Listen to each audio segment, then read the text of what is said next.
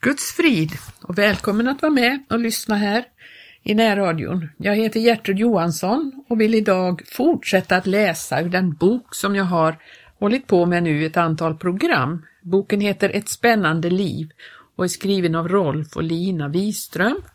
Och vi börjar där i kapitel 7.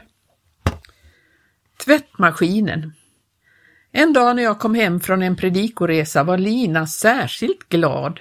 Äntligen hade vi fått in vattenledning i huset. Nu behövde hon inte längre gå med oket och bära de tunga vattenhinkarna från grannens brunn. Pumpen i vår gamla brunn hade gått sönder och hur mycket jag än hade bett till Gud hade jag inte kunnat laga den. Pengar till att anlita rörmokare hade vi inte då, men Lina trodde fullt och fast att Gud ville ge oss en ny vattenledning med anslutning till den stora ledningen i gatan och det blev som hon trodde. Man får det man har tro för. Min tro räckte inte ens till att laga den gamla rostiga pumpen. Lyckligt tog hon mig med ner i källaren och visade mig den nya vattenledningen. I ett hörn stod också en toalettstol. Det var enkelt, men i alla fall var det en väldig skillnad från den inrättning som fanns i uthuset. Bitande vinterdagar drog man sig i det längsta för att gå ut dit. Och nu ska du få höra mina planer, sa Lina ivrig. I det här hörnet har jag tänkt att vi ska ha en liten tvättmaskin. Men då förmådde jag inte följa med längre. Det var ju rena undret att vi hade fått vattenledning. då borde man vara nöjd för resten av livet. Men hon började genast fantisera om tvättmaskiner. Jag blev så bitter.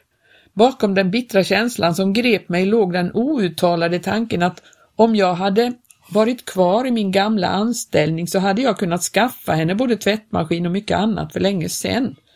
Det är inte små krav du har, sa jag. Det glada leendet dog hastigt ut i hennes ansikte. Hon ryckte till som om jag hade stuckit henne med en syl och vände sig mot mig och bara såg på mig en stund.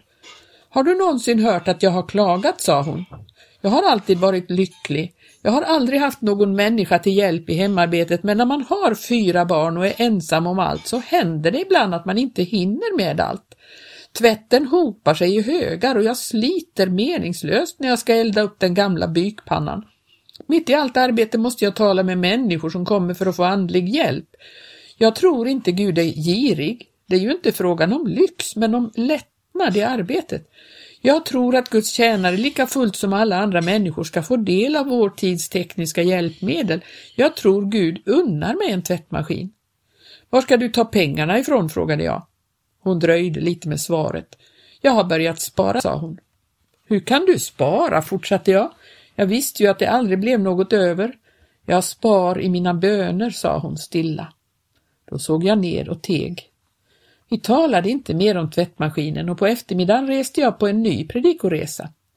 Efter ett möte kom en obekant kvinna fram till mig och lämnade ett brev. Hon sa att det var från någon som önskade vara anonym.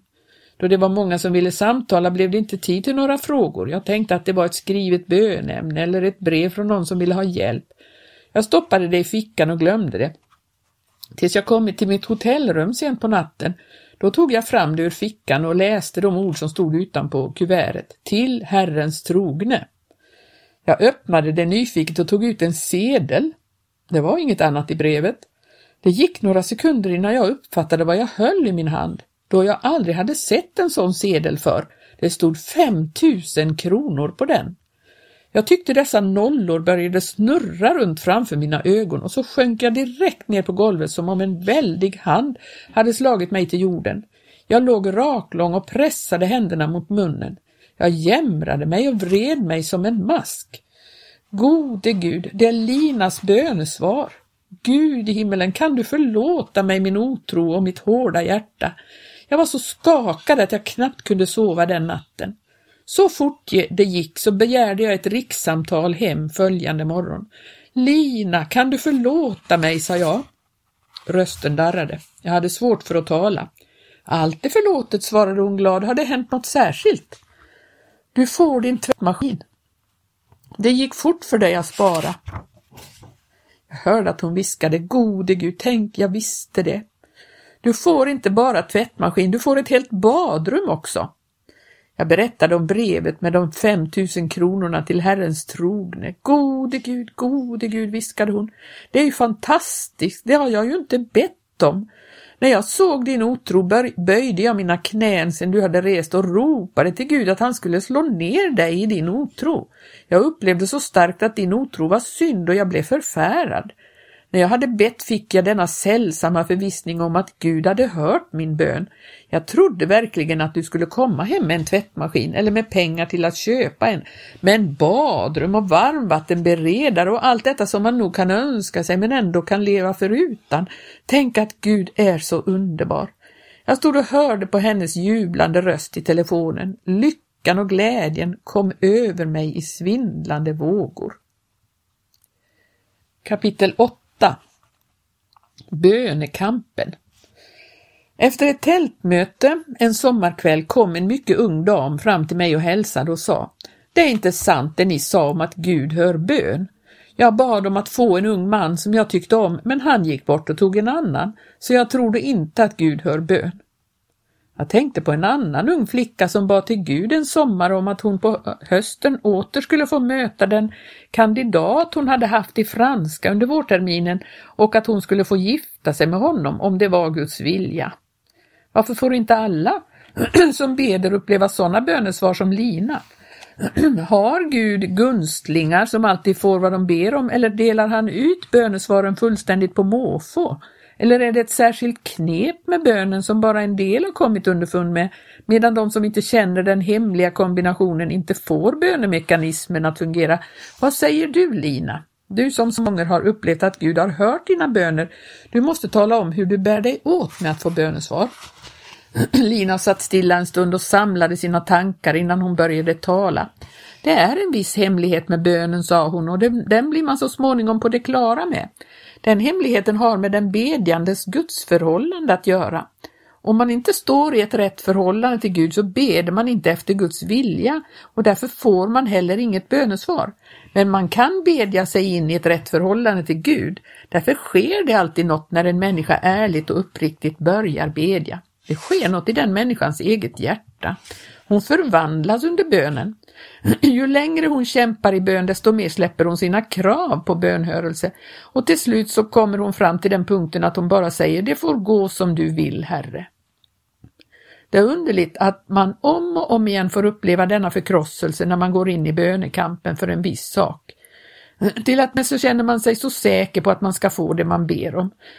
Man är så överlåten och tycker att man ber efter Guds vilja. Man har Guds löften och man har också upplevt så många härliga bönesvar i det förflutna. Men efter den första perioden av säkerhet märker man att det är som om bönerna inte går längre än till taket. Orden studsar emot en stängd himmel. De har inte genomslagskraft och de når inte fram till Gud. När det har gått en tid och ingenting har skett så kommer en tanke smygande in i mitt hjärta. Tänk om Gud inte hör din bön. Jag slår bort den, har bitit sig fast, den gör mig missmodig och bitter och jag blir rädd. Det ser alldeles omöjligt ut att Gud ska höra min bön denna gång. Jag känner att det kommer något hårt in i mitt hjärta som ett slags protest mot Gud över att det inte går som jag vill. Jag kommer helt till gränsen av förtvivlan, allt ser hopplöst ut. När jag inte orkar kämpa längre så ger jag upp. Jag kan inte fortsätta leva i detta tillstånd av spänning, jag härdar inte ut med det. Då är det bara en plats i hela världen man kan söka sig till och det är Golgata. När man vänder blicken dit så kommer en mild stråle av ljus in i hjärtat. Då blir man stilla och ser bara på Jesus. Kärleken från honom strömmar in i det bedrövade hjärtat och fyller det med en stilla frid och djup glädje. Det sker något med mitt hjärta. Det är alltid något hårt som smälter. Jag känner att jag vill böja mig för Jesus och få hans kärlek in i mitt hjärta då får jag alltid se min synd. Det är synd mot Gud själv. Det är mitt hårda hjärta som är syndigt. Det är att jag står Gud emot därför att jag kämpar i egen kraft. Jag kommer helt till botten av förkrosselse och ödmjukhet. Det är ett tillstånd som jag inte kan skapa själv. Då föds i mig en ny kärlek till Jesus och en ny tacksamhet för frälsningen. Jag glömmer mitt böneämne för Jesus. Han blir större än allt annat. Jag bara älskar Jesus och är fylld av hans kärlek. Då slutar jag bedja. Då vet jag att han kan göra vad han vill. Jag lägger hela min sak i hans händer. Det får gå som Herren vill. Jag har upplevt detta många gånger. Jag vet att det är sant. Jag vet bara att Gud själv kan sätta mig i denna ställning. Den största nådeställning en människa kan komma i, för då upplever man Guds kärlek så överväldigande stor. Detta är inget man experimenterar sig fram till, det kommer i vissa nödsituationer. Gud hör alltid bön, men det är inte säkert att vi får det vi ber om. Det är något som är viktigare än allt annat, det är det ödmjuka hjärtat. Det kan hända att man inte får det man beder om för att denna ödmjukhet och förkrosselse ska komma fram. Gud bor ju hos den som är förkrossad och har en ödmjuk ande. Det är naturligt att vi så länge som möjligt drar oss för att komma in i denna fruktansvärda bönekamp. Vi hoppas att vi ska slippa sjunka ner i den hopplösa hjälplösheten. Det är ju döden över det egna jaget. Jesus själv bad, om det är möjligt så gånge denna kalk ifrån mig. Dock ske icke min vilja utan din. Jesus stod där inför korset mer utblottad och hjälplös än någon av oss kan bli. Gud ledde honom dit därför att det var den enda vägen till uppståndelse. Sitt stora bönesvar kunde Jesus få först efter det att han låtit sig korsfästas. I korset ligger den djupaste hemligheten till alla bönesvar. Det är också när korset får gå över vår egen vilja som vi kommer in i Guds vilja och kan be efter Guds vilja. Under sista kriget så tog, tog vårt potatisförråd slut. Vi kom i en prekär situation då potatisen var vårt väsentliga födoämne. Vi kunde helt enkelt inte fatta hur vi skulle kunna leva utan potatis. Men vi bad till Gud och var fullt förvissade om att han snart skulle hjälpa oss. Dagarna gick, dock utan att vi fick potatis. När jag kom hem från skolan en dag så fann jag Lina gråtande i köket. Hon var så förtvivlad att hon inte orkade mer. Jag kände också att vi hade kommit till gränsen av vad vi kunde bära, så vi böjde knä i bedja. Under det vi bad fick jag klart för mig att vi inte skulle få potatis. Men jag blev inte förskräckt när detta kom till mig, för jag förstod att Gud hade en särskild mening med det. Jag tyckte Gud sa till mig, nu ska jag lära er att leva utan potatis. Jag fick Guds ledning att gå ut och samla ätbart ogräs, sånt som vi aldrig hade ätit förr. Nina kokade en stor gryta. Vi åt alla och blev mätta den dagen. Vi fortsatte att äta denna ogrässoppa under våren och sommaren. Den var närande och hälsosam. Andra mödrar frågade Lina vad hon gav barnen. De såg så friska och pigga ut. Efter en tid hade nöden blivit till sån välsignelse att vi tackade Gud för att han lärde oss att leva utan potatis. Det blev också klart för oss att detta var en lärdom som senare i livet skulle bli oss till stor hjälp. Gud löste oss på det sättet från fruktan och visade oss att han hade ett annat svar på våra böner än det vi hade föreställt oss. Kapitel 9 Hur Gud talar Hur ska jag komma in i Guds vilja med mitt liv? Det är den första frågan en människa kommer med när hon börjar förstå att Gud har en plan med hennes liv. Genom denna fråga får hon sitt första bönämne, Visa mig Gud din vilja. Det är ett enkelt bönämne, men det är dock det viktigaste i livet. Om hon lyckas få svar på det från första stunden finner hon nyckeln till ett lyckligt liv. När hon sen kommer till nya vägskäl vet hon hur hon ska bära sig åt för att välja rätt. Hon vet hur hon ska få lösningen på alla stora och små problem som möter henne i livet. Lyckas hon med att komma in i Guds vilja från början får hon en kompassnål som alltid visar henne i rätt riktning. Hon behöver inte springa från den ena till den andra och fråga vad tror du jag ska göra, vad menar du? Lycklig den människa som dag för dag och stund för stund vilar i Guds vilja utan att kastas hit och dit av andras meningar eller av sina egna tvivel. En människa ledd av Gud är harmonisk, fri och glad. Hon blir alltid till välsignelse för alla där hon går fram. Hennes liv blir mer och mer lyckligt med åren. Hon lyckas med det svåraste av allt, med konsten att leva. Om Gud verkligen har en plan för våra liv, om han har en lösning på våra olika problem, så måste han också ha ordnat det så att vi på ett eller annat sätt kan få veta denna plan och få se denna lösning. Om Gud sänder ut sina budskap från en radiostation i himlen så måste han också ha tänkt på att människorna måste ha mottagarapparater för att kunna höra dessa budskap. En ung man frågade mig efter ett möte vad det berodde på att Gud hade slutat att tala till människorna för 2000 år sedan. Bakom den något ironiska formuleringen av frågan fanns det ändå ett djupt allvar. Kan människor av idag få uppleva att Gud talar lika tydligt och klart som de bibliska gestalterna upplevde det? Om så inte är fallet så skulle Bibelns berättelser bara vara endast uppdiktade sagor. Den unge mannen hade aldrig hört Gud tala därför att han aldrig hade lyssnat. Det vill säga, han hade lyssnat på en hel del röster när han satt och letade efter den himmelska stationen på sin mottagarapparat, men han hade inte lyssnat på den rätta våglängden. Han hade inte fått den personliga kontakten med Gud. Han hade läst både Bibeln och kristen litteratur, men det enda han fick ut av allt detta var att Bibeln var full av motsägelser och att de kristna var fulla av fel. Gud hade ett personligt budskap till den unge mannen, men när han kom i närheten av våglängden ville han inte lyssna.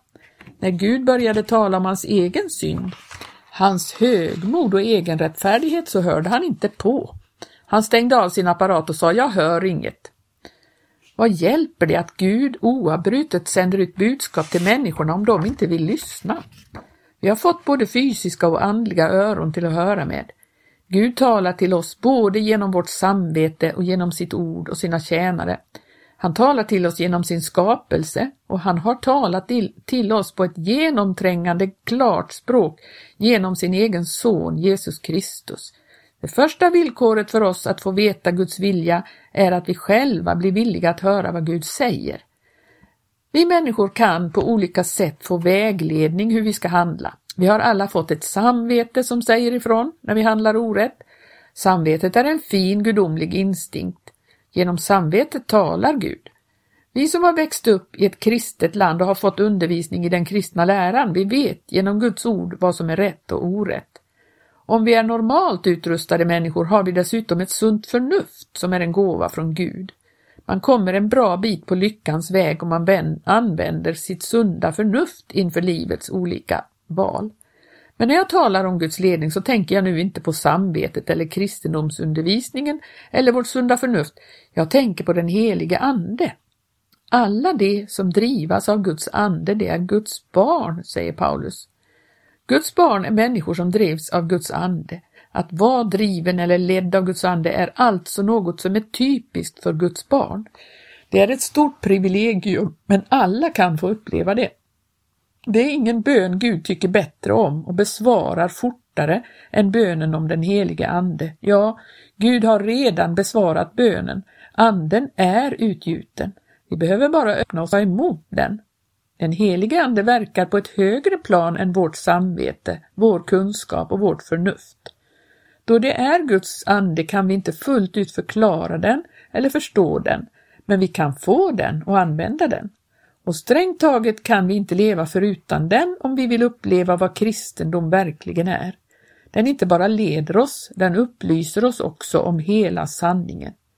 När en människa idag börjar ledas av den heliga Ande kommer hon genast in i apostlagärningarna. Hon får uppleva detsamma som vi läser om att apostlarna upplevde. Hon anknyter direkt till det som skedde för 2000 år sedan. Hon upplever att apostlagärningarna inte har tagit slut, vi lever ännu i apostlagärningarna och vi ska fortsätta att göra dessa gärningar så länge denna period av församlingens historia varar. När jag talar om andledning är det inte i samband med den speciella erfarenhet som heter dopet i den heliga Ande. Det är ju inte så att endast andedöpta människor har möjlighet att vara ledda av Guds ande, fastän sådana människor mer än andra borde låta sig drivas av anden, då de har upplevt dess oerhörda kraft alla som tar emot Jesus som sin frälsare tar också emot helig ande. Det är ju Guds ande som föds in i hjärtat under denna pånyttfödelse. Det är Gud som nu börjar tala in i hjärtat genom den helige ande. Man hör tydligt skillnaden på Guds röst och de egna tankarna och man lär sig känna igen denna röst. Den är alltid så stilla och varm. Den skriker inte och tjatar inte. Ibland talar den inte med ord, den bara ger oss en visshet om hur Gud vill att vi ska handla. Bön och bibelläsning verkar stillhet i vår ande och öppnar vår invärtes människa för Gud. Det viktigaste och nödvändigaste är att vi blir stilla. Därför måste vi ofta bedja länge tills vi kommer in i denna stillhet där vi hör Gud tala. När de egna tankarna snurrar runt som en karusell är det omöjligt att höra Guds röst. Vi måste också räkna med onda makter som gör allt för att förstöra när en själ vill lyssna. Det finns andliga störningsstationer som är i ständig verksamhet. Man märker alltid hur de sätter in när det är något särskilt Gud vill meddela en människa. Tänk om man kunde få höra Gud tala, sa någon till mig. Under samtalet kom det fram att denna person hade besökt sjuka, hade talat till människor om frälsningen och gjort mycket gott. Vem var det som manade er till att göra allt detta? frågade jag. Naturligtvis var det Gud, men allt detta hon gjorde tyckte hon inte var något att tala om, det var ju så lite och självklart. Hon hade inte haft några mystiska upplevelser i samband med detta. Hon hade inte hört några röster tala till sig och hade inte fått besök av änglar som gav henne budskap. Den enkla fromma kvinnan var i Guds vilja och var ledd av Gud. Det var naturligt för henne därför att hon var driven av Guds ande. Hon var en normal kristen. Men när hon hörde andra berätta om mystiska upplevelser och sällsamma uppenbarelser så kände hon sig så ringa. Många kristna bär frukt som denna goda kvinna och de tänker inte på det. Lika lite som ett äppelträd tänker på att nu ska det sätta igång och producera äpplen. Det är likadant i andens värld som i naturens. När en människa är fylld av anden är det helt naturligt att hon blir ledd av anden och då visar det sig på frukten. Jag har inte läst böcker om äppelträd, men när Gud gav mig en liten trädgård tyckte jag det var riktigt att plantera fruktträd i den för att få nytta av dem. Efter några år började frukten komma. Jag vet inte hur träden bär sig åt med det, det är deras natur. Jag har inte studerat teologi, jag kan varken hebreiska eller grekiska, men en dag lämnade jag mitt liv i Guds händer. Jag märkte hur Guds ande började verka i mig. Jag följde dess maning. Jag böjde mig för Guds vilja. Jag gick dit anden ledde mig. Allt detta gjorde jag så som något helt naturligt, något som följde med det nya livet som hade börjat verka i mig. Gud uppväckte inte en profet som han sände till mig för att förkunna för mig att jag skulle gå till människor jag hade gjort orätt emot och be dem om förlåtelse. Det var ingen mystisk röst som talade till mig och bjöd mig gå till mina kamrater och kollegor och säga till dem att jag hade lämnat mig åt Gud.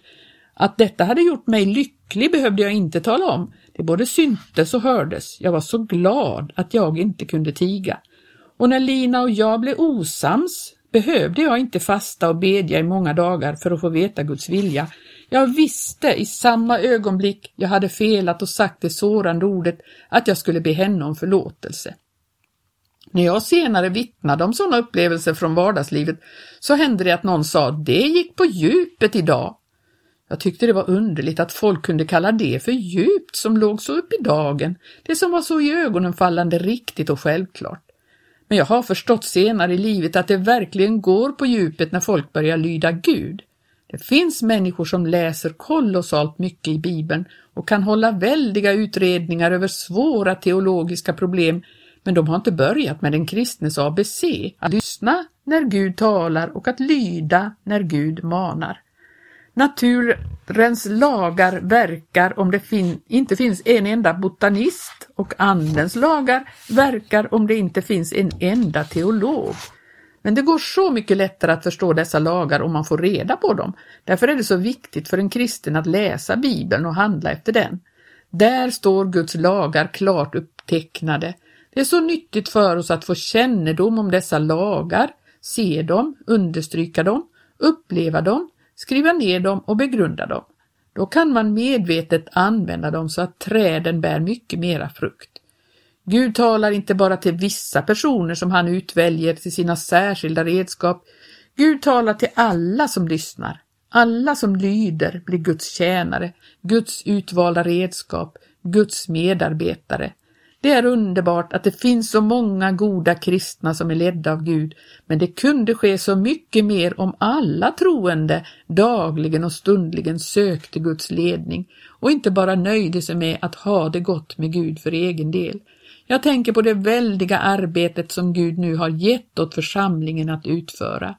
Gud gav oss den helige Ande för att sätta oss i stånd att utföra världshistoriens största plan, Guds frälsningsplan för hela en hel värld.